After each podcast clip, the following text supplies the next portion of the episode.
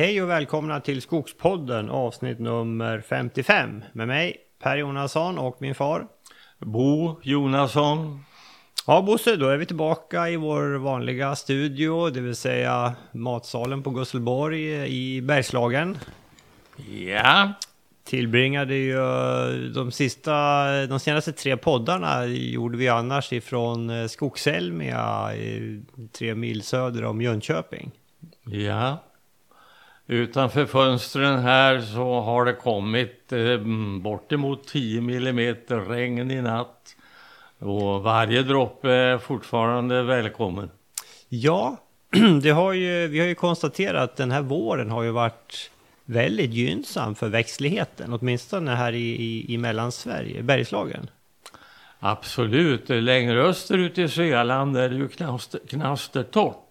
Ja. Men här är det grönt och frodigt. Och det här ser vi bland annat på våra nya sådder i skogen.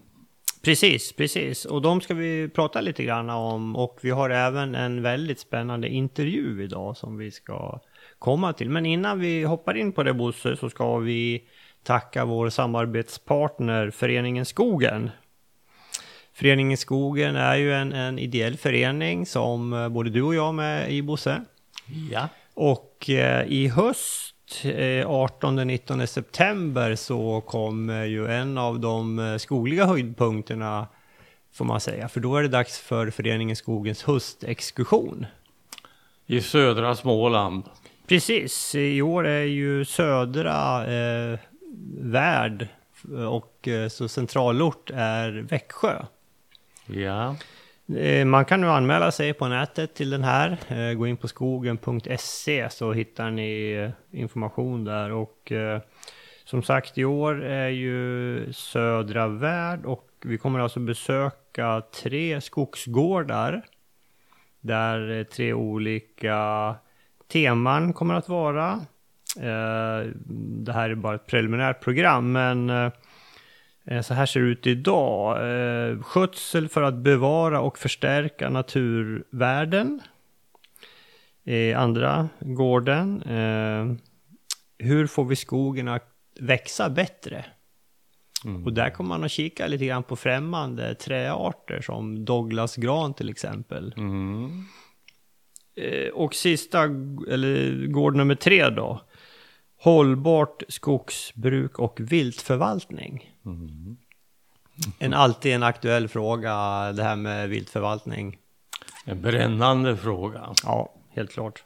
Ja, men vi, vi tycker, både du och jag tycker att det här verkar vara ett väldigt spännande program och vi kommer ju vara med. Så om det här låter intressant för er, gå gärna in på skogen.se och läs mer om det här och eh, ja, anmäl er till exkursionen om ni tycker det verkar spännande. Eh, Vårt intresse för södra Sverige här det kommer ju delvis av att familjen äger drygt 100 hektar skogsmark i Vimmerbyområdet i Vassemåla. Just det. Där vi odlar Vimmerbytallen. Ja, efter bästa förmåga. Ja. Ja. Ja. Mm.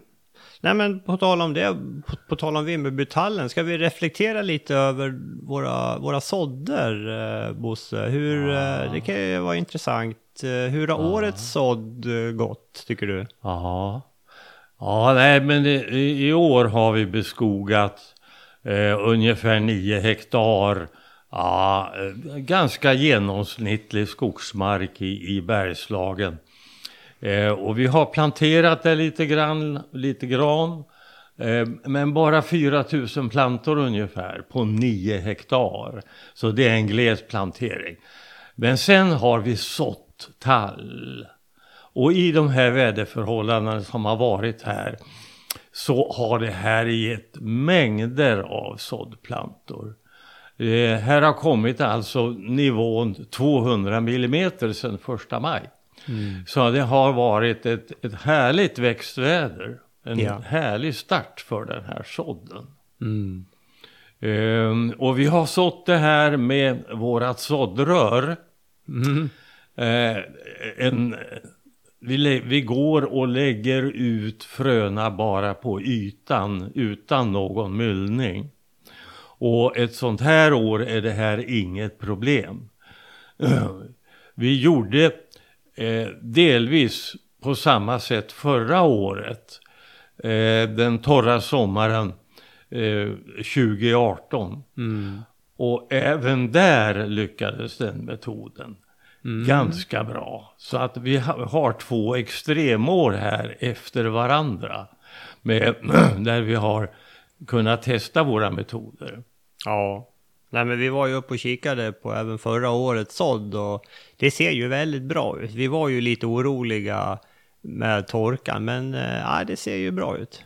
Det ser bra ut. Det är ett litet område där som är allra torrast. Eh, där har det blivit dålig plantbildning. Men där har vi fröträd så där får naturen sköta om det här. I ett år som detta, jag menar då, då kommer det mycket självföryngring där naturligtvis. Det kommer den att göra. Ja, och det är lite magert där också så där har, där har vi inte liksom gräsproblematiken heller. Nej. Nej. Nej. Ja, kul. Mm. Sen har vi ju, vi var ju nere på vår gård i, i Småland också. Och där har vi ju väldigt fin föryngring. Eh, på en, den är väl på en 5-6 hektar lä- längs järnvägen där. Ja, det är det. Eh, och det är lika spännande varje vår att komma ner och titta om det här har klarat sig ifrån betning. Och det har alltså hittills nästan inte blivit några betesskador alls. Och här, den här sådden är nu, vi brukar inte vara helt överens om hur hög den är. Men mm, den, den är ungefär två, två meter. Va? Ja, ja men det är den ju. Eh, och och, och ta, ta i trä här för att vi inte haft något hittills. Men, men ja, det ser väldigt bra ut. Och nu, nu är den så pass hög så nu kan man inte... Nu går det inte att enkelt orientera sig när man går i den. Nu måste man liksom gå upp på gamla stubbar för att se vart man är någonstans. Så, så, ja, men jag skriver under på att den är drygt två meter på... Mm, Ja, Lite, lite varierande. ja, ja, ja, och alltså den är nästan skadefri. Ja, det är ju en del skador. Vissa om, alltså i utkanten på vissa ställen har ju liksom älgen stått ser det ut som och käkat och sådär. Men, men eh, går man in i det, ja absolut.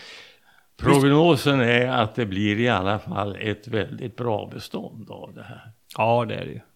Nu har vi ju sprutat den eh, med, med eh, sån här repellent i, i tre säsonger. Jag har kanske hjälpt till. Ja, det tror jag. Det hoppas jag att det har gjort. För det, Mm. Ja, det, det bör det ha gjort. Men den ser ju väldigt fin ut. Och sen är det ju mycket löv förstås. Och vi har ju även planterat en del gran i det beståndet också. I alla svackor, Mm. lite fuktigare svackor har vi planterat gran. Mm. Mm. Ja, så jag menar vårt förtroende för att så tall är fortsatt högt kan vi säga. Absolut. Och Och- det... eh, vi hoppas kunna inspirera andra till att så tall. Och, och det tror jag vi har gjort. Alltså vi på Skogselmia, det, det som var speciellt kul där, det var ju att träffa väldigt många lyssnare. Många kom ju till oss och stack in huvudet och sa hej och vill, vill lyssna på podden och tycker det är roligt. Och, och då är det ju många som säger att ja, men vi, vi har provat att så tall eller vi ska prova i år. Och, så det, det verkar ju finnas ett stort intresse kring det här med att, att så tall. Det har säkert ökat. Ja, och jag hoppas att vi har bidragit till ökningen. Och, och alltså med den betessituation som är så, så är det ju ett vågspel att plantera tall. Ja. Risken för misslyckandet är stort. Alltså. Du behöver mellan 8 till 10 000 plantor per hektar för att klara av en, eh, en, en betning. Och det får man genom eh, självföryngring och eller sådd. Ja. Eller en kombination av de metoderna. Sådd under fröträd. Mm. Ja, det var därför jag sa och eller. Mm, ja. Så man kan Mm. helst både och. Ja. Eh, ja. Ska vi nämna lite, vi, vi kikade lite på Äbin-siffrorna som nyligen har kommit. Mm. Vi satt och kollade på det i morse, Bosse. Och det ser ju inte så roligt ut. Nej, nej, alltså det, det är tragiskt. Mm. Siffrorna var ju... Om vi tar här där vi sitter då i, i eh, Örebro län. Så är det på hela länsnivån är det alltså 14 procent eh, årsskador. Ja, Och målet är ju 5. ja. Eh, Max 5 procent alltså. Så 14 procent är ju långt därifrån. Och oskadade, helt oskadade av viltbetning är 53 procent. Mm. 47 procent är betade när det närmar sig fem meters höjd. Ja, det här är väl, vi tror att det är vid 4 meter. Eh, Ja, de här Mm. 53 Mm. procent Mm. oskadade. Och där är målet 85 procent oskadade ja, vid 4 meter. Och för det ska ge då 70 procent oskadade vid älgsäker höjd som är 5 meter. Mm. Eh, Har vi tolkat det här som. Nej, det finns de som måste tänka om grundligt beträffande det här. Alltså. Mm. Jag tänker mest på jägarna. Jägarna måste acceptera en större avskjutning. Ja, Och skogen måste anpassa sig till situationen. Anpassa skogsskötseln. ja. Nej men sen måste väl alltså, det är ju ändå, det här har vi ju pratat om mycket förut, det är ju, alltså i äforna är det ju ändå en, en markägarrepresentant som är ordförande. Så vi, vi måste ju, markägarna måste ju ta sitt ansvar. Ja men absolut. Men vi ska ju också säga det att, att på Gusselborg och även på Hassemåla så har ju vi lyckade föryngringar där, där det här med eh, älgbete faktiskt inte är något problem. Och eh, jag vill ju tro att en del av det här beror på vår skogsskötsel. Bland annat röjningarna där vi aldrig röjer bort något undertryckt ätbart. Nej. Alla småtallar, allt löv som inte konkurrerar med huvudstammarnas toppar. Alltihopa det här får vara kvar. Det bjuder vi på, det bjuder vi älgen på. Mm. Om det här gjordes storskaligt så tror jag att situationen kunde ändras radikalt. Ja. Nej, röj inte bort älgmaten. Nej. Den ska vara kvar tills, eh, tills tallarna är fem meter höga. Mm. Ja, nej men den får ju absolut, den får ju gärna vara kvar sen också. Jag menar, ju mer mat det finns i skogen, ju bättre är det. Ja visst, den här maten kan stå kvar även efter första gallringen. Alltså. Ja, det är bara ett positivt inslag. eh. Ja. Den här bilden av ökade skador hos eh, Skogsstyrelsen skriver ju i pressmeddelande om att, att det går åt fel håll och det, det, det ser vi ju i Äbin-siffrorna. Sen tycker väl vi Bosse att situationen som du beskriver just på i, i, i vår skog ser ju faktiskt något bättre ut. ja, den ser ju mycket bättre ut. Det är ju till och med så att på Gusselborg har det ju börjat komma upp rönn. Det såg man ju inte för tre, fyra, fem år sedan. Tycker jag. Det gäller inte hela arealen, men, men det gäller en central del av skogen. Där det nu är riktigt gott om brunn. Ja. Uh, vi röjde eh, en eh, knähög tallsådd för någon vecka sedan. Och då inträffade det konstiga att jag själv röjde ner ett buskage med rönn. Det måste vara första gången. Det är första gången på årtionden. Ja, det var som tusan. Mm. Nej, det trodde jag inte skulle inträffa och, jag erinrar mig det nu medan vi sitter här och pratar. Jag försöker tänka på vi- vilken... Eh, har vi röjt något som varit knähögt? Eh, det låter lågt. Var, var är vi någonstans? Eh, Ja, vi är där, Claes och jag röjde Du röjde ju upp i sluttningen. Men det är ju högre än knähögt. Ja, det, det, det kanske var... Det, det ja, det, det var nog... Det, det, var på väg upp i höjden om jag säger det. Mm. Och mitt i det där så stod det en stackars granplanta som gärna ville med. Ja, ja, ja. Mm. Den var, okay, den var knähög. Det var något enstaka. För ja, beståndet ja, i sig ja. är ju mycket högre än knähögt. Ja, och jo då, jo då. Eh, absolut. Mm. Mm. Ja, nu fick eh, tvillingarna något att skratta åt igen. Vi var ju lite oense om höjden här. Nej, men då är jag med. Ja. Jaha, så du röjde en rönn alltså? Ja, det säger du. Du vet att vi spelar in det här, Bosse? ja, visst. Ja, visst. Mm. Mm. Men det är en märkesdag när man röjer bort den första rönnen. Ja. Det annars brukar, brukar det ju säga det att den, den, får stå kvar även om den övertoppar. För det, det har varit så väldigt sällan det har skett. Eh, rönnen har, är, förblir ett heligt träslag på Gusselborg mm. och Vassemåla. Mm. För det är liksom klövviltets nummer ett. Absolut. Ja, nej men det, det är bra. Och, Eh, vi har i det här beståndet som är aktuellt i det, i det här pratet nu så, så, har det också blivit förvånansvärt mycket sälj. Ja, just det. Väldigt mycket sälj. Ja. Mm. Och det tyder ju också på att, för det är ju också en favoritföda. Mm. Mm. Intressant. Ja, mm. men precis. Mm. Och det, det är ju här i Bergslagen vi pratar om, men även i Småland där det har varit extremt betat rasen, även där såg vi faktiskt ljuspunkter nu när vi var nere eh, för två veckor sedan. Ja. Mm. Och jag var ju nere förra veckan också. Mm. Mm. Där till och med börjar ju komma upp, vi såg ju små ekplanter som har börjat komma upp och även lite rönn och sånt där. Det såg man inte för några år sedan.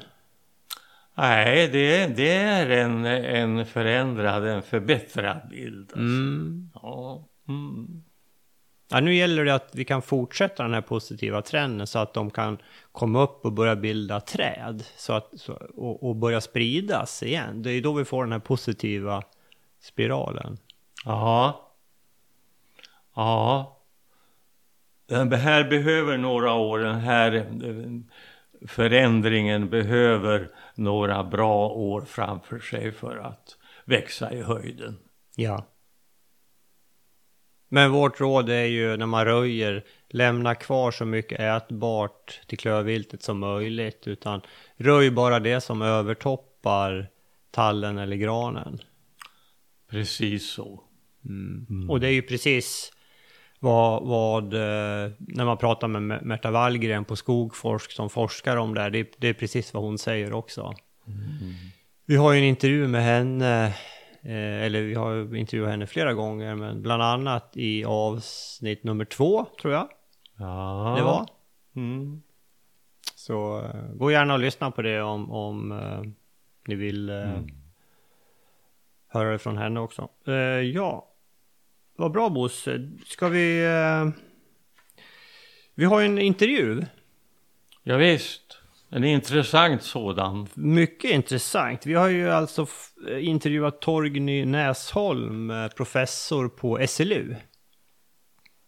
Och eh, för ett tag sedan så intervjuade vi Thomas Lundmark. Han pratade mycket om det här med att, eh, att det finns metoder att öka tillväxten i skogen. Och och eh, det vi pratar med Torgny om det är ju just det här eh, ja, den, den uppfinning som han och hans team har tagit fram som, som innebär en, en, eh, som det ser ut i varje fall, en, en, en revolution när det gäller att, en möjligheten att öka tillväxten i skogen. Ja, Thomas Lundmark som du nämnde är ju också professor på SLU. Just det. Så, så det här är kvalificerade uh, intervjuoffer. Mycket. Som har budskap, båda två viktiga budskap till skogsbruket. Ja. Torgny Näsholm uh, fick ju alltså Marcus Wallenberg-priset förra året. Eh, det är ett pris på, på två miljoner kronor då som, som eh, tilldelas en forskare och eh, ja, vi, vi, vi nämnde ju det här i intervjun också. Ska vi ta och lyssna på vad eh, Torgny har att säga? Det gör vi. Han kommer här. Torgny Näsholm, välkommen till eh, Skogspodden. Mm, tack. Eh, vi kan väl börja med att du berättar lite grann om dig själv och din bakgrund. Jag är 59 år, eh, bor strax utanför Umeå. Jag har fyra barn, de är alla utflugna. Eh, jag har jobbat på SLU i många herrans år. Eh, jag har en titel som professor i trädens ekofysiologi. Eh, och jag har hållit på med växtnäringsfrågor. Eh, ja, oj, många år. Egentligen väldigt mycket kopplat till miljöfrågor från början och sen mer och mer tillväxtfrågor ju längre jag har jobbat med det. Ja, det är väl en kort Har, beskrivning. har du varit på SLU hela tiden eller har du varit Jag har varit andra- på SLU, men jag är biolog i grunden. Så Ja. jag är inte jägmästare utan jag jag har läst biologi och kemi. Mm. Men jobbat och disputerade på SLU också. Just det. Eh, Jag jobbade länge på eh, Umeå Plant Science Center eh, men, har sedan tio år tillbaka ungefär en, en tjänst på eh, Skogens ekologi och skötsel som institutionen heter. Mm. Eh, Mm. Just det. Och eh, du har tillsammans eh, med ett team där tagit fram, eh, forskat på det här med hur kan man eh, effektivisera gödningen av, av eh, skog och eh, plantor. Egentligen började det som en ren grundforskningsfråga om ja, flera frågor samtidigt. Vad, vad, vi vet ju att kväve är liksom helt avgörande för hur skogen växer. Och, och då var första frågan, men vad, vilka sorters kväve finns det egentligen i marken? Ja. Eh, och vi har jobbat länge med att utveckla en teknik för att kunna mäta precis vad rötterna upplever. Istället för att gräva upp mark och ta in på labbet så har vi eh, en, en teknik som vi egentligen har knyckt eller eh, vad heter det? lånat från eh, forskning på hjärn, eh, alltså hjärnmekanism, ne- neurofysiologi. Så det, det är ett väldigt hopp mellan att mäta vad som rör sig i hjärnan eh, till skogsmark. Men, men tekniken fungerar jättebra.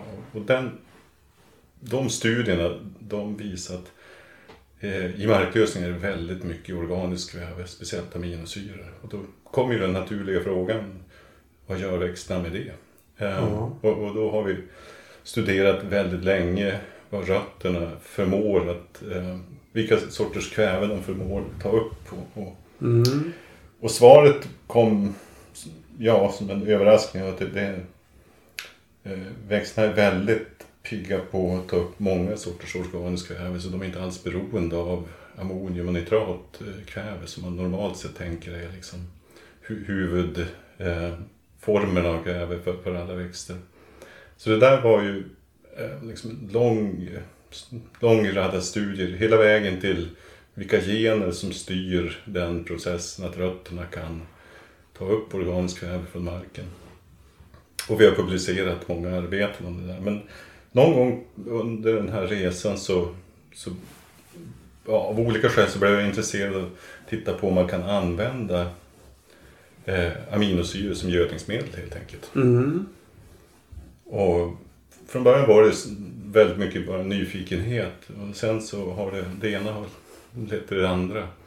Ehm, och vi, vi kom ganska snart fram till att det är vissa sorters eh, aminosyror som funkar bättre än andra.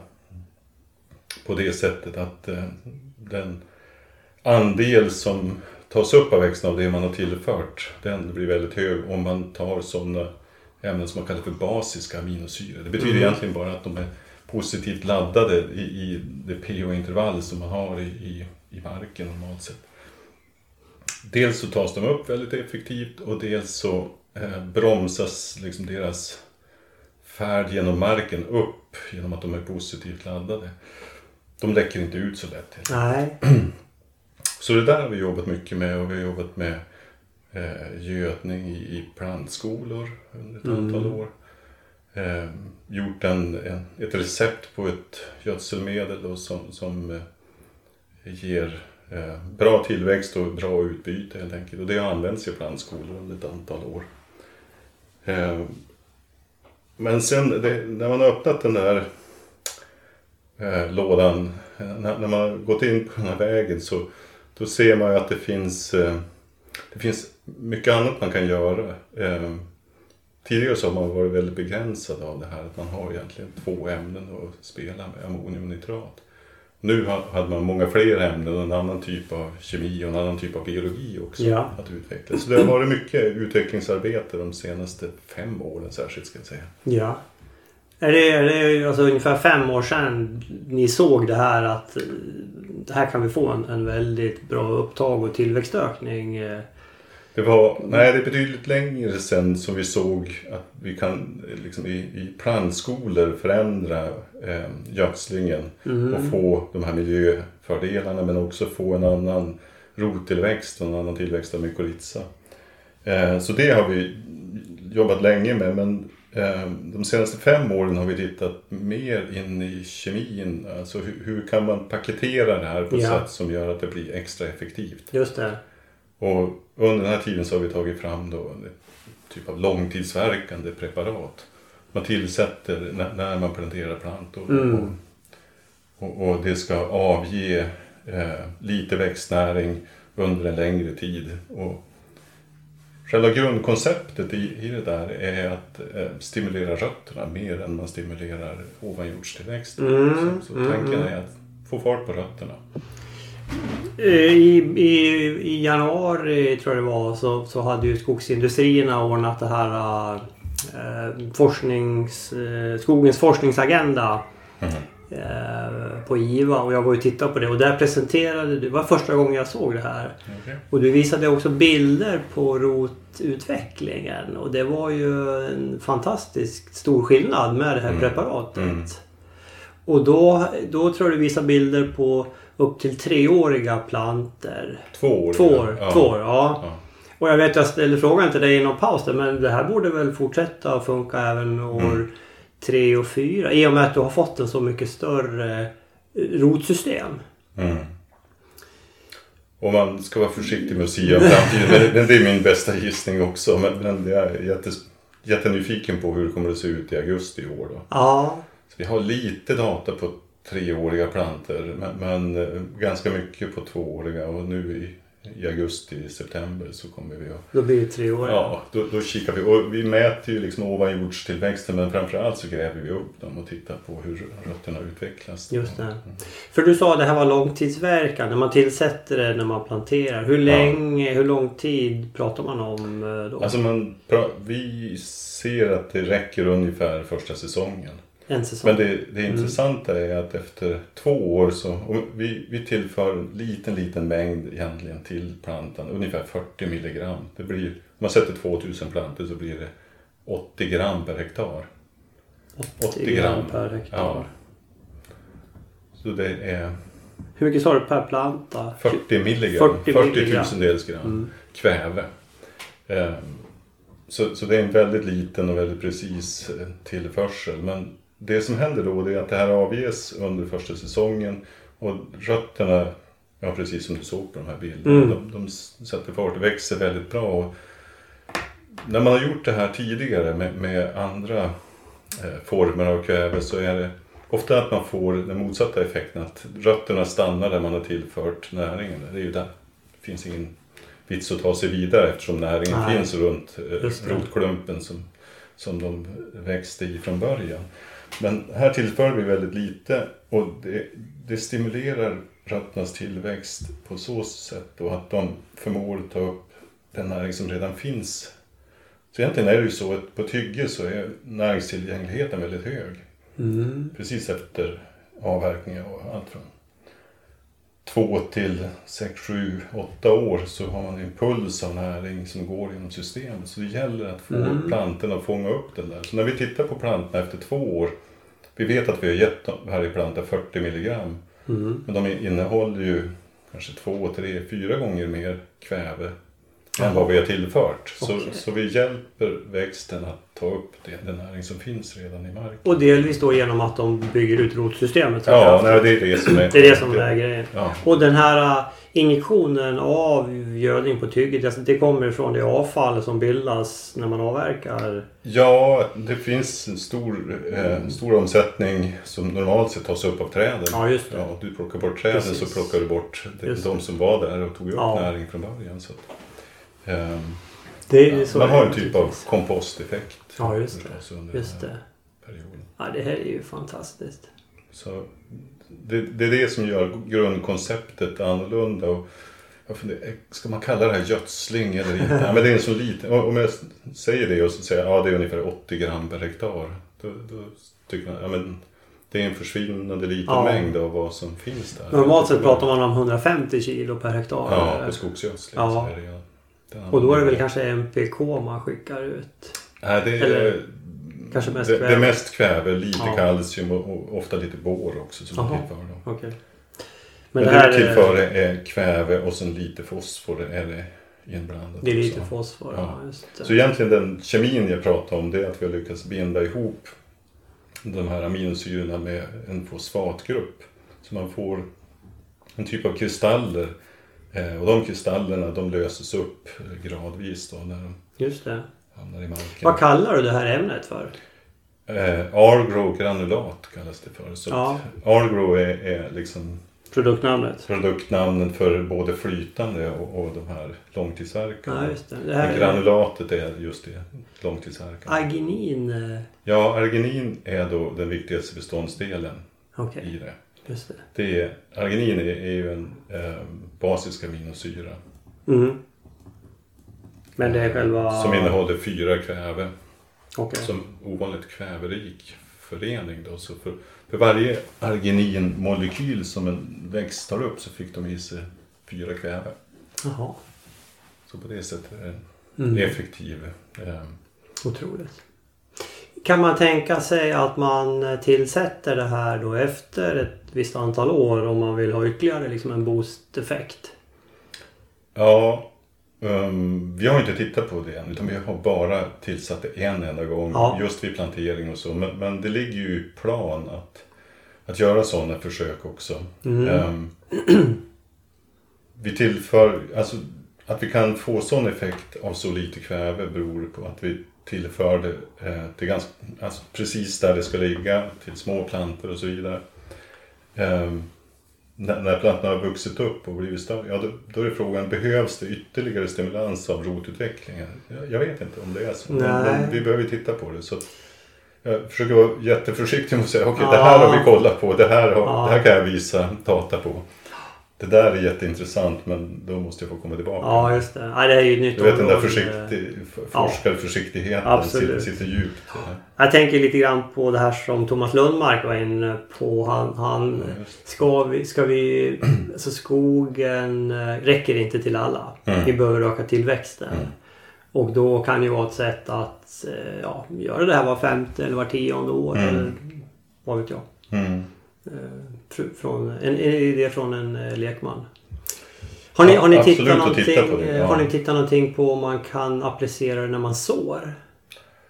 Vi har en del sådana försök ute och, och ja, det ger bra effekt. Ja. Det vi har jobbat med, med en typ av frö eh, bärare som jag kallar för seedpad.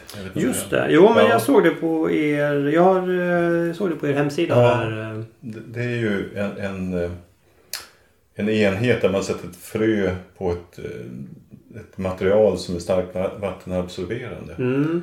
Och så lägger man den här enheten direkt på eh, mineraljorden och då, eh, ja, den tar ju upp eh, fukt på olika sätt men den är väldigt bra på att ta upp kapillärt vatten från marken. Mm. Så sväller det här materialet och sen skyddar det fröet mot uttorkning. Så Aha. det är det som är själva konceptet. Och då har vi provat att inkludera den här långtidsverkande gödningen också. Så det funkar jättebra. Ja.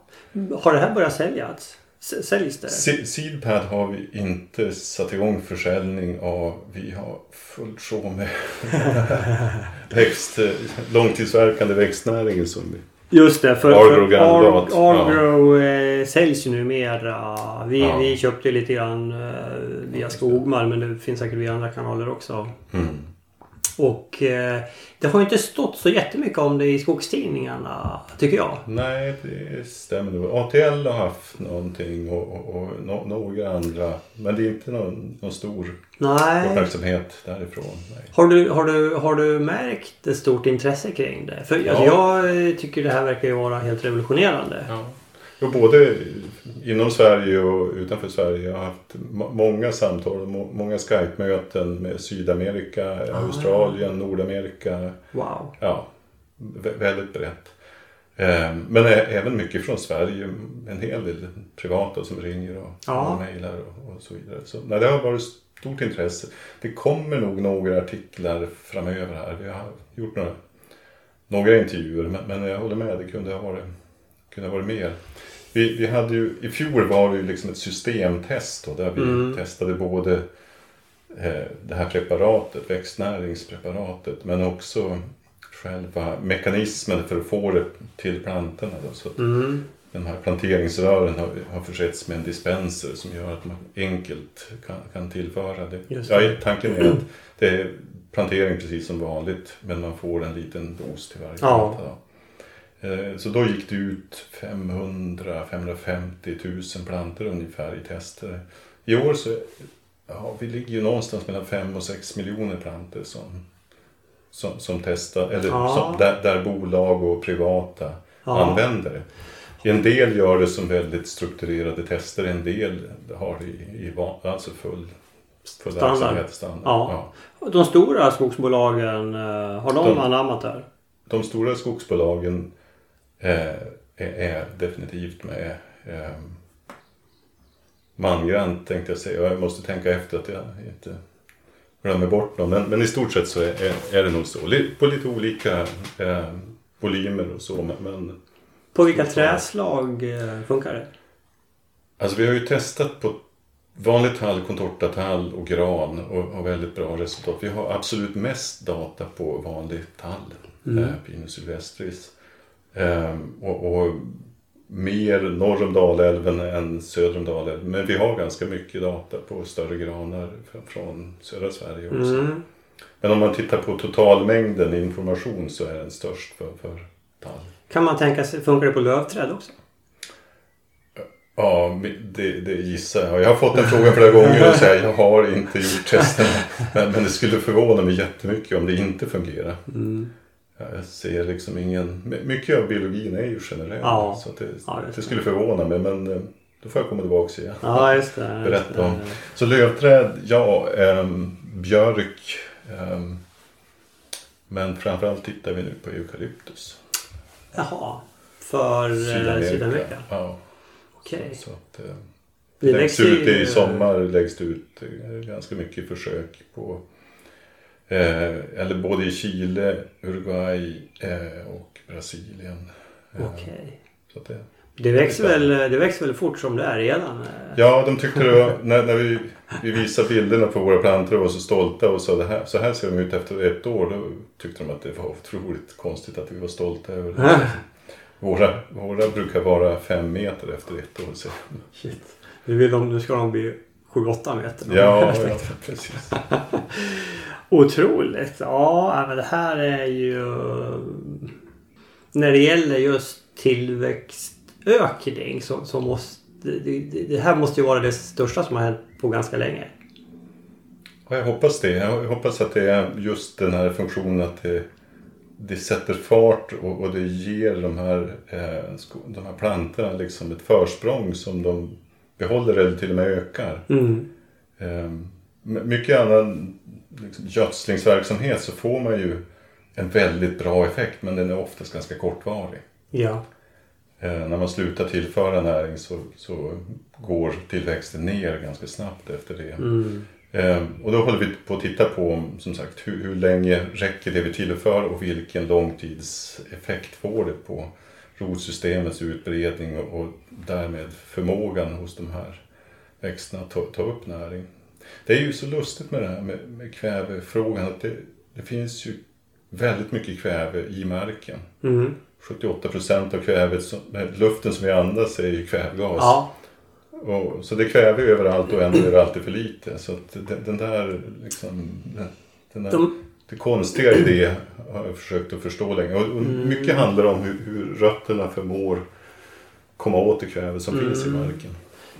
Har du tittat på jag menar, de här ärtväxter och lupiner och sånt där? De, de kan ju ta det här från i De luften. tar det från luften, ja.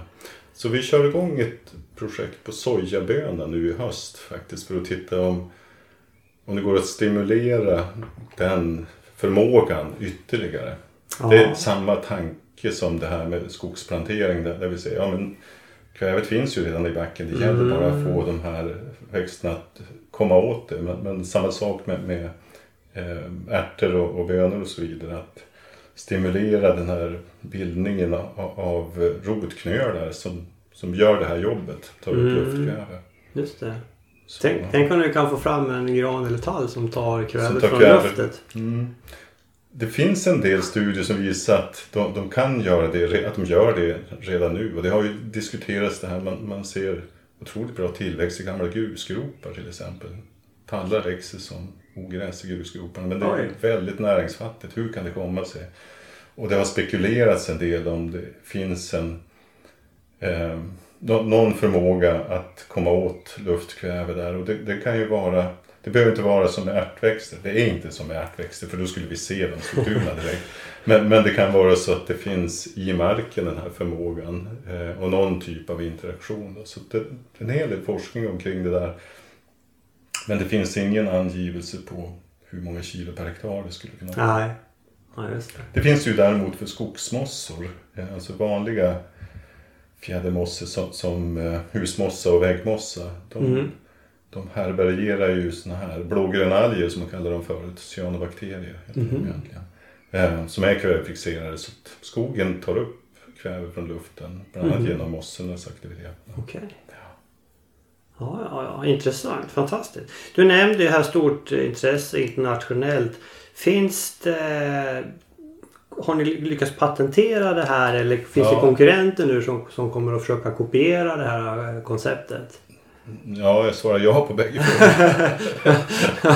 men, men eh, ja, vi har ju patenterat det- det här. ehm, Och, och ehm, styrkan på ett patent avgörs ju först när, när någon utmanar det. Så vi Ja. får se om det är någon som gör det framgent. Men det ser bra ut. Ja. De, de eh, patentundersökningar som har gjorts och så vidare. Mm. De, de ser, För, för ni är Ja, först i världen med det här. ja. ja. Det är. Det är fantastiskt. Mm. Och det är ju många års jobb att komma fram till någonting som är väldigt enkelt får man väl säga. Det, det, när, när man vet hur man ska göra och man vet vad, vad man ska använda då, då är det ganska enkelt. Men vägen dit har varit lång. Ja, det är, så, så är det oftast. självklart. Du, du, började med att berätta att ni använde liknande utrustning som man har vid liksom hjärnforskning för att se Mm. hur man... Hur... Eh, berätta lite mer om det. Det, det låter ju Mm. science fiction verkligen. Det är en teknik som man kallar för mikrodialys. Man vet ju vad dialys är för någonting. Det här att man, man Ja. dialyserar. Ja, man, Renar blod. Ja, precis. Så den har samma typ av mekanism men det är väldigt små enheter som man då stoppar ner i marken som innehåller små dialysmembran. Mhm. Och de, man kan lämna dem där i marken under kortare eller längre tid. Ehm, och de tar då här, tar upp den näring som finns i marken och det är ju en minimal påverkan. Det är det som är liksom huvudtanken här, att kunna se det rötterna ser. Eh, och det har vi jobbat med i ja, ett antal år, tio år är det väl snart. Mhm. Eh, och publicerat ett helt batteri med, med arbeten omkring det här. Och det är också en sån här teknik som har spritt sig väldigt mycket. Och, eh, bland annat i Australien och USA, Mm. eh, England, och, eh, Österrike och flera andra håll som man har eh, tagit sig an den här tekniken och, Mm. och tittat på. Och det, det man ser då det är att om man använder den, den, den vanliga tekniken för att studera mark, alltså man, man gräver upp eh, markprover och tar in på labb, då, då påverkar man sammansättningen ganska mycket. Ja. Eh, mark är ju väldigt levande. det, är mycket ämnen som omsätts väldigt snabbt och särskilt de organiska ämnena. Så Mm. när man gör det med den med, med, eh, traditionella metoden att ta in material på labb, då påverkar man sammansättningen och man ser väldigt mycket mer av mineralkväve, alltså typiskt ammonium och mer nitrat. Eh, med den här dialysmetoden då så ser man att 80% av kvävet är, är som aminosyror. Mm. Medan med, med den gamla metoden så är 80% mineralkväve. Ja, ja, ja. Så det här, ju, Så det här det- gjorde att ni skapade förutsättningar för att göra de här upptäckterna.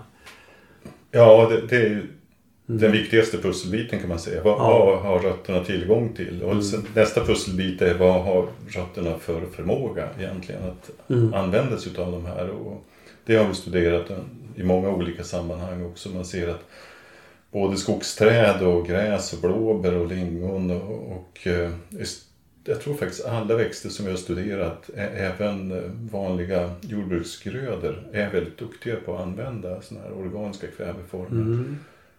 Så det, det var ju en intressant eh, ögonöppnare tycker jag. Att det, ja, det, det finns inte ens den här begränsningen som man trodde tidigare utan växten har en väldigt bred liksom, förmåga till att använda olika sorters kväve. Mm.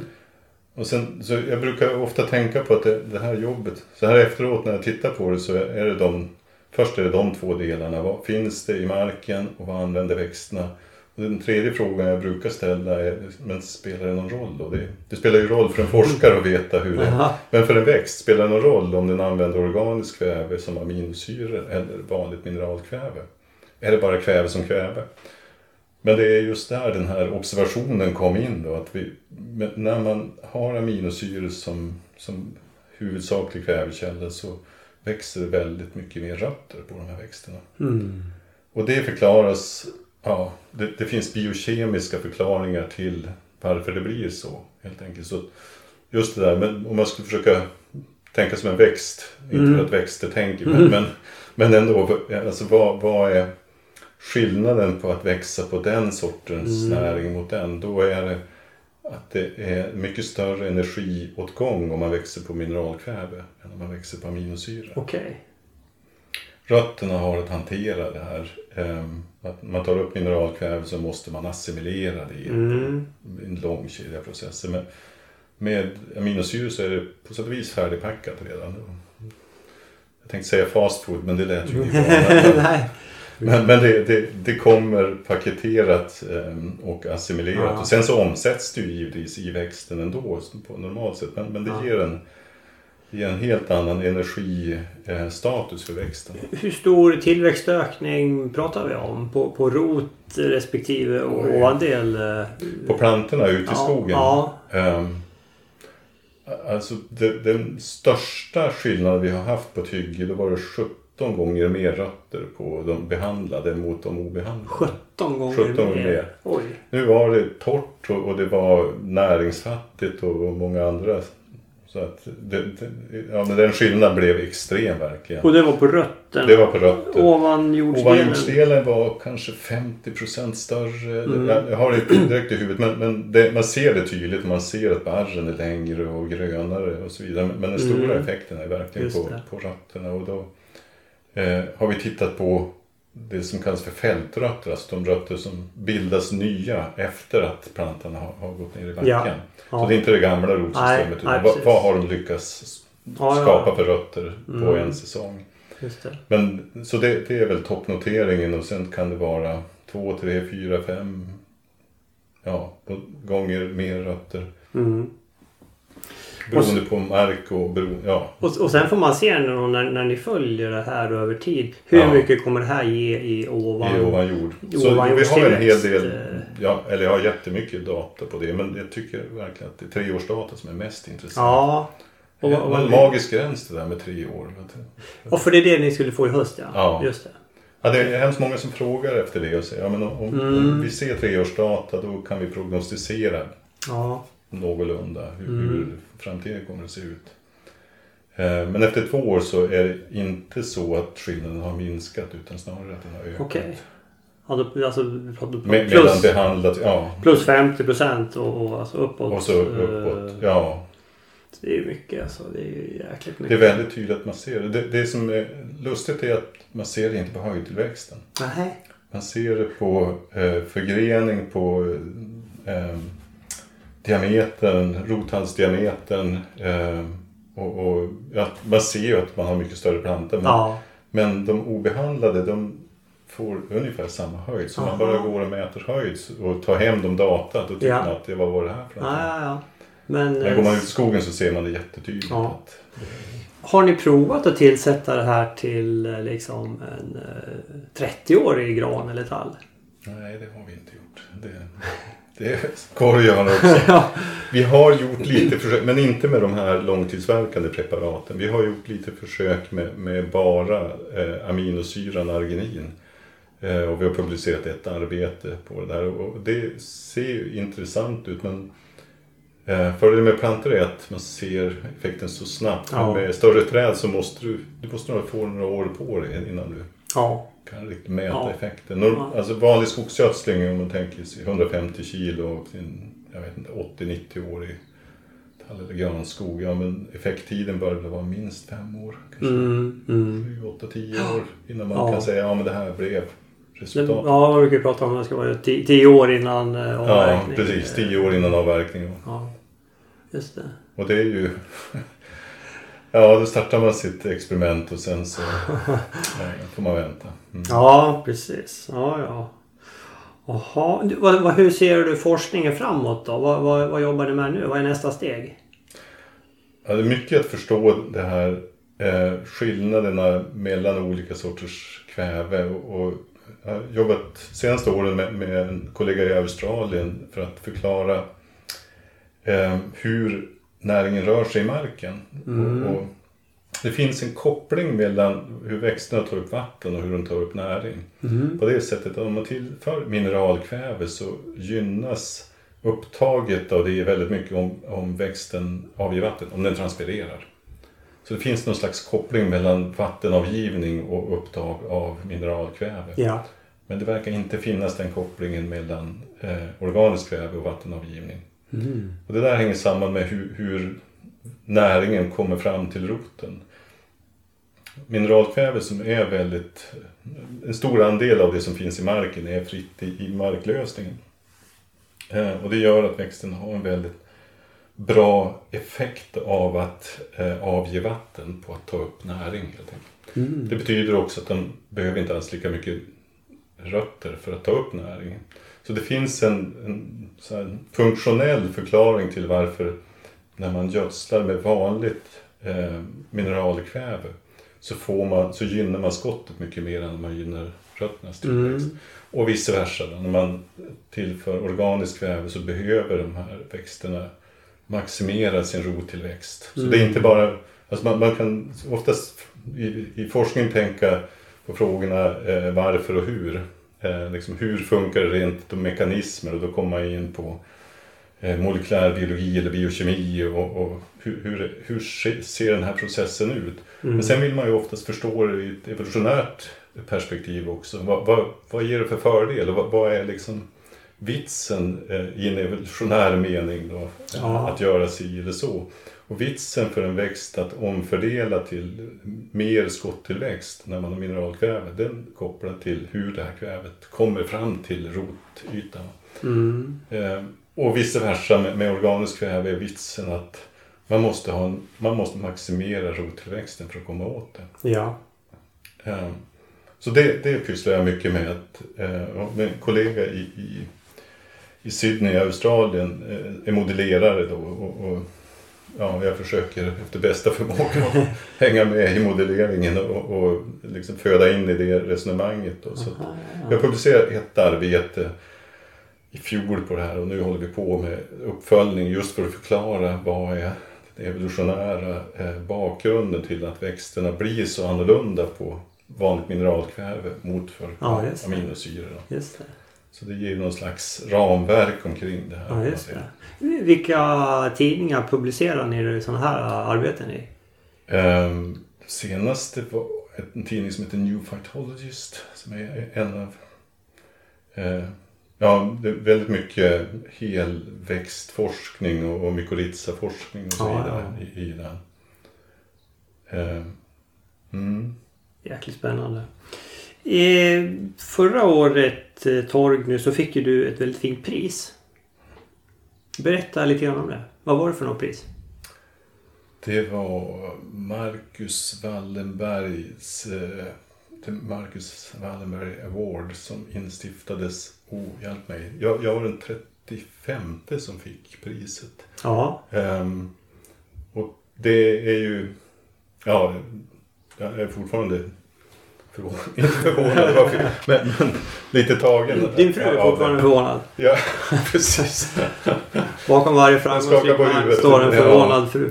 Ja, precis. Eh, men, men det priset är ju speciellt på det sättet att det, det, det handlar om att koppla ihop eh, liksom en, en grundvetenskaplig upptäckt. En, en, något som ska ha lett till någon typ av det man brukar kalla för paradigmskifte. Man ska vara försiktig med det finns så många paradigmskiften här. Men, men någonting som verkligen gör att man, man ser på ett fenomen eller på någonting på ett annat sätt. Och det handlade ju just om det här. Vad finns det för näring i marken och vad är det växterna kommer åt? Men det ska också ha lett fram till, eller åtminstone initiera någon typ av praktisk, någon, någon praktisk eh, effekt av det där. Ehm, så, så, ja men det var en stor överraskning. Ja. Och priset är, det är på två miljoner kronor. ja. Mm. Det, är, Det är det, det. det är inte dåligt. Nej, det är inte dåligt. Det är fantastiskt Det- bra. det är- Stort, stort grattis till det. Ja, men tack. Jag tänkte komma in lite grann på just Alltså Wallenberg, det finns ju flera Wallenbergs stiftelser men Mm. Knut och Alice Wallenbergs stiftelse.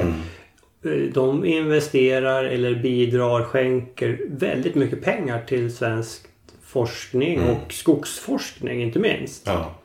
ja, så är det. det är, ju- alltså, forskare kämpar ju med, med anslag från eh, forskningsråd och enskilda forskare. Men, men Wallenbergstiftelserna har ju eh, har en förmåga och har liksom ett koncept där man ger stora bidrag och stor frihet till vissa forskningsgrupper.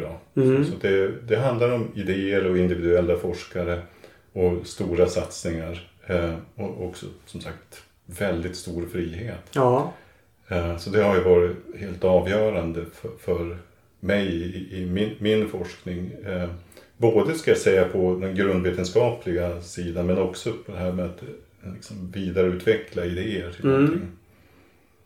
Ehm, och, och det här mötet som var i början på januari som du berättade, då presenterades då den nya stora satsningen som egentligen bygger på flera ben. Ett som handlar om växtnäring, ett som handlar om ehm, skogsskötsel i generella termer och ett som handlar om skogsgenetik då, och förädling. Så där, nu har jag inte siffrorna i huvudet men det är en fantastisk satsning totalt sett.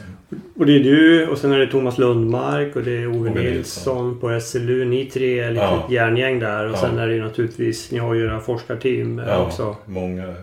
Och även andra institutioner och, och Ja. eh, skolor eh, är ju med också. Och hela det här Wallenberg Wood Science Center också. eh, Det finns kopplingar där också, speciellt på genetiksidan. Ska jag säga. Ja. Men, Vad kul, vad, Mm. vad jätteskojigt. nej, men det är ju en injektion som vi inte har haft förut. Det, det, det här är, vad heter det, once in a lifetime brukar man tänka. Men det är det ju verkligen Ja. för, för det här forskningsfältet också. Nu gäller det att ta vara på Ja. den här möjligheten. Ligger Sverige bra till internationellt sett? Ja, absolut. Vi, vi ligger ju väldigt bra till eh, inom skogsforskning generellt. Mm. Eh, det, det och när man kommer till Kanada eller USA och så vidare så, så ja, men det, man vet om det att i Sverige så görs det väldigt mycket Ja. och väldigt bra forskning också. Ja, det kan vi tacka Wallenbergarna för att vi Ja, ligger i topp. ja, det är en lång historia och liksom, de, må, många års eh, hårt arbete. Men, men, Mm. Men det gäller också liksom det praktiska skogsbruket. Att det, man behöver få mer och mer upp ögonen för det. Att man tittar på Sverige och tänker jaha, så gör de där. Då, då är det Mm. någonting på gång igen. Ja, ja. Annars, Sverige och Finland brukar vara ganska Ja, det är lika. väldigt lika. Jo, så är det ju. Ja men absolut. Jag ska Har du något Sverige samarbete med, med, med finnarna? Ja, så i ett av de här Wallenbergstödda projekten så har vi eh, en samarbetspartner från Helsingfors universitet. Men, men Mm. även på den praktiska sidan så har vi med flera bolag då, Mm. eh, i Finland. Just det. Ja, och det är jättekul. Alltså, det skulle ha hänt mycket tidigare. Den- här kopplingen skulle man ha gjort mycket tidigare. Eh, I fjol, var det i fjol, som, som man gjorde den här eh, Wallenbergstiftelserna och Kempe-stiftelsen. Kempe-stiftelsen har också varit helt avgörande för liksom, den här utvecklingen. Ah, ja. Eh, en fantastisk eh, stö, stöttning på, på liksom må, många sätt eh, i, i den här. Och, och där gick man ju in då och, och eh, jag försöker minnas vad man kallar det här programmet men det gick ut på att man hade en finsk och en svensk eh, eh, forskargrupp då som gick ihop om ett gemensamt projekt. Mm. Eh, och man delade ut tiotal, tror jag, sådana. Eh, som för att hedra den, eller för att fira eh, självständigheten. Ja, ja, ja. Just det. 1917. från, Eh, Just det. finska. Mm. Eh, Och det är ju också Finland blev självständigt. Ja, precis. Mm. Kul, ja just det. 100 Ja, men det eh, läste jag nog om. Det var Mm. väl som en gåva från Sverige? Ja, typ, ja, precis. eh, Och från eller de här stiftelserna. Ja, ja, ja. Mm. Just det. Nej, vi skulle ha haft mycket mer av det. Ja, vi har ju så mycket som förenar oss och mycket som är likt liksom i, i hur skogen ser ut. Ja. ehm, Och hur det- den sköts. Och, Och den här stora, alltså hur viktigt skogen är Ja. för liksom hela landets Ja. utveckling. Ja, och där, jag har intrycket av att Finland har ju kanske tydligare anammat det. I Sverige, Mm. vi förstår ju inte alla eller ser alla hur viktig skogen har varit och är Mm. för hela landets Mm. utveckling. Nej, men så är det. Man, man är tydligare på det. Ja. Mm. Men jag tycker ändå det har blivit tydligare i Sverige. Och det, det, har, det, det har kommit ganska mycket i tidningarna. Och Mm.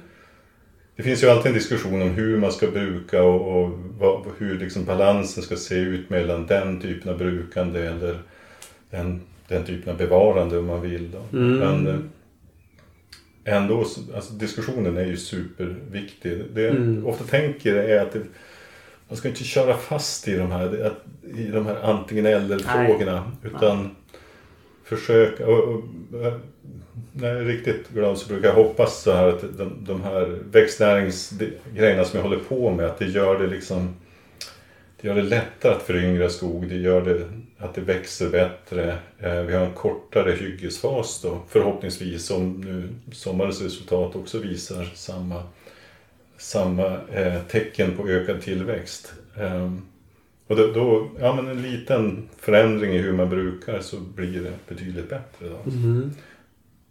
Och det är ju liksom den länken mellan grundforskningen till tillämpningar till någon slags systemeffekter tycker jag är jätteintressant. Mm. Absolut. Helt klart. Mm. Mm. Mm. Bra. Eh, Torgny, är det någonting eh, som jag inte har frågat om eller som, som vi bör ta upp eh, när det gäller eh, R-Grow? Ehm, nej, jag försöker. Vi har fått med det mesta. Seedped berörde vi. Sa vi när, den, när vi tror den ska börja säljas? Sa vi det? Nej, jag sa nog egentligen bara att vi, vi är inte så många så nu har vi fokuserat helt och hållet på den här långtidsverkande gödningen. Och, och, men den ligger, den ligger inte i byrålådan, inte på hyllan utan vi tittar på det ganska ofta. Och, och vi håller på med en ganska liten skala att liksom optimera det här. Själva konceptet tror jag jättemycket på men det behöver sättas i praktiskt bruk. Mm. Ehm, Nej men eh, Skogspodden är ju gärna med och testar såna här grejer. Ja, jag vet, ja. Så vi bara hör av det Ja. så testar vi gärna. mm. Ja, Finns det några ytterligare produkter då förutom eh, Seedpad och eh, R-Grow? eh? Ja, så har vi de här Argro flytande produkterna som ja, men det har framförallt använts i, plantodlingssammanhang. Men vi har också tittat ganska mycket på golf och golfgräs Mm. och så. Ja, så ja, ja. det, vi, eh, bland annat en studie som gjordes av Nibio i Norge, det här forskningsinstitutet Ja, i Norge. Som, som, ja, men det, det föll väldigt väl ut. Så vi har en del diskussioner. Vi, men återigen, vi är ganska få vi kom fram till att eh, det finns 450 golfbanor i Sverige. Vi hinner inte med att Nej. besöka alla. Så vi måste hitta ett samarbete då med, Ja, med någon. Så vi, vi håller på att titta på det. Och det gäller väl generellt. Alltså vi, vi, vi, vi vill jobba med skog. Vi, vi vill liksom fokusera på det. Först Sverige och Finland, Norge. Eh, kanske Baltikum, där, ja, närområdet. Vi, vi tittar Mm. på Kanada. Det är intressant men ändå väldigt annorlunda. Skogsbruk så hela ägarstrukturen och så vidare är Ja, ja. helt annorlunda. Ja. Eh, Men, men vi håller på att titta på det. Och sen Sydamerika. Och det som är bortom det, om det då handlar om eh, olika typer av jordbruksgrödor e- eller hortikulturellt. Så då måste vi hitta samarbetspartners. Så Mm. vi, vi pratar rätt mycket med olika bolag då, som, Mm. som är intresserade och vill testa. Men det som är speciellt i skogen är ju att som, som jag sa, tre, alla frågar efter treårsdata. Tre år är en ganska lång tid i, i en affärsverksamhets Ja. eh, liksom, situation. Ehm, på jordbrukssidan går det ju lite fortare men det är fortfarande så att man, man behöver sina tester. Ja. Det är liksom inte bara säga att ja, här har ni, använd den här. Utan Nej. man måste verifiera det på varje ny gröda. Ja, det är klart. Det är klart. Man kan ju tänka sig, jag vet inte om vi nämnde det, om, om, om man redan kan skicka med, när man köper planter för att plantera, att det Mm. redan är med, att det sitter med liksom i själva Mm. plantan. Ja, Så slipper man tillföra. Ja, ja, vi tänkte mycket på det i början också, att det hade varit den optimala lösningen. Men då är det ju så att olika eh, producenter har olika system. Ja. Eh, så just hur får man dit det på ett bra sätt då? Ja, i den plantskolan så Ja. behöver man en sån maskin och så nästa så behöver man en annan maskin. Det. Ehm, Det är fortfarande intressant men vi kom ganska snart till att nej, men om det ska finnas ett system som funkar generellt då, då behöver det vara ute i skogen, Okej. alltså där plantorna kommer. Ja. Ehm, Men man kan ju mycket väl tänka sig att man lägger med eh, den här produkten i, i, en, eh, i en låda, som, en plantlåda helt Ja. enkelt. Att, att de på något sätt går tillsammans. Just det. Eller när Mm. man sår. Ja, nej, men det här blir ju väldigt spännande naturligtvis att eh, följa. Det ser Mm. vi fram emot. Mm. Ja, nej, men frågan är om vi eh, sätter punkt där, Torgny, och sen så får vi följa det här. eh, Får komma tillbaka när vi har lite treårsdata Ja. och se vart det här tar vägen. Men eh, Ja. det verkar väldigt spännande. Ja. Jag kan säga en grej till och det är ju att när vi, ja, de- det här patentet som vi har skyddat själva produkten och vi har också en produktionsmetod för det som vi har Mm. patentskyddat. Det vi håller på att titta på nu det är ju ja, hur stort är intresset? När ska vi köra igång storskalig produktion? Ja. Nu gör vi ju det här i, i relativt stor skala men, men vi kommer ganska snart upp till, liksom, vi når vår maxkapacitet. Eh, Så vi håller på att titta på liksom, hur, hur ser en, ett helt system ut en, en, Mm. en utrustning som eh, sköter, ja, som, där är inte så mycket handpåläggning helt enkelt. Ja. Eh, och där är det ju också en ledtid och så det är det vi funderar mycket på. Ja, men hur stort är intresset? Mm. När ska vi säga att nu är det dags att, att bygga och att investera? Ja. Så det är en väldigt intressant fas där då. Och som allt i skogen det är ju säsongsbundet. Så man måste säga, ja men är det till säsongen 2020, 21, 22 och när, när, Ja. när ska det här liksom upp i den skala som, som vi hoppas då. Ja. Så det är väl det som upptar mycket av, energin nu, att försöka lista ut hur stort kommer intresset vara om ett Mm. och två och tre år. Vilka, vilken kapacitet behöver vi för att Mm. klara det i så fall. Men det är kärt besvär som det heter. Ja men det förstår jag. För det här gör ni, det här gör ni i ett företag. eh, Ja, utanför Umeå. Just det. Eh, En mil utanför Umeå ungefär. Mm. Ja, spännande. Nej, men det här kommer vi ju att följa Mm. noggrant och eh, jag hoppas vi får komma tillbaka. Vi, jag vet inte om jag nämnde det men vi har ju, jag och Bosse har ju i årets eh, plantering så har vi märkt ut ett område och sen har Mm. vi tillfört Argrow till ett antal eh, planter och eh, ska vi följa dem då för att se. Hur mycket tillförde ni? Tycker du om det? Ja, alltså det där fick vi ju Fick du instruktioner? Eh, Ja, alltså jag, det, det stod ju på... Jag lyckades hitta att en, en sån här burk skulle räcka till... Nu kommer jag inte ihåg hur många plantor det var. var det 500 plantor? Det var 500. Sen i det som har gått ut nu så har vi minskat till 450. Ja, så det, För jag tror att gjorde så, jag tog ja. vikten Ja. och så delade jag på 400 eller 450. Ja. Och sen så, så vägde jag upp det på en, på en köksvåg. eh, Okej. Jag fick ta gånger 10 då för det, var, Ja. det blir så lite.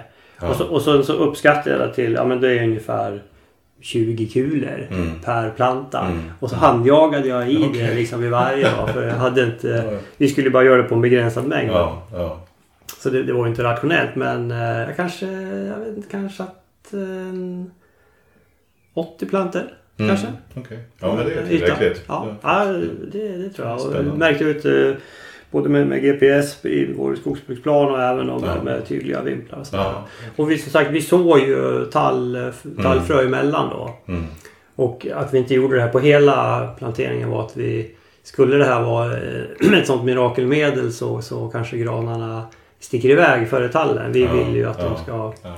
ungefär på samma höjd. Och så. Ja. Men eh, ja, det, nästa år kanske vi lägger i lite i själva sådden också för att Mm. få samma effekt där. Då. ja, precis. Ja, det där får vi testa. Mm. Nej men vad bra. Tack så mycket Ja, Torgny tack för att själv. vi fick den här Ja. pratstunden och lycka till med den fortsatta forskningen. Tack, tack. Ja, där hörde vi fantastiskt spännande tycker jag med den här uh, lilla eh, tillsatsen. eh, vad, vad sa vi? Sa vi, var det ett gram per planta? Ja, någonting sånt här. Det var det va? Mm. Istället för eh, 150 kilo per hektar. eh. Mm. Ja, visst. Ah, det är några granuler som varje planta får Ja. och som ökar rottillväxten. Mm. Mm. Just rottillväxt. Precis. Mm. Och det syns ju så tydligt på de här bilderna eh, som, som man ser då på behandlade respektive icke behandlade planter. Och det här är någonting helt nytt alltså. Mm. Och har fått stort internationell uppmärksamhet.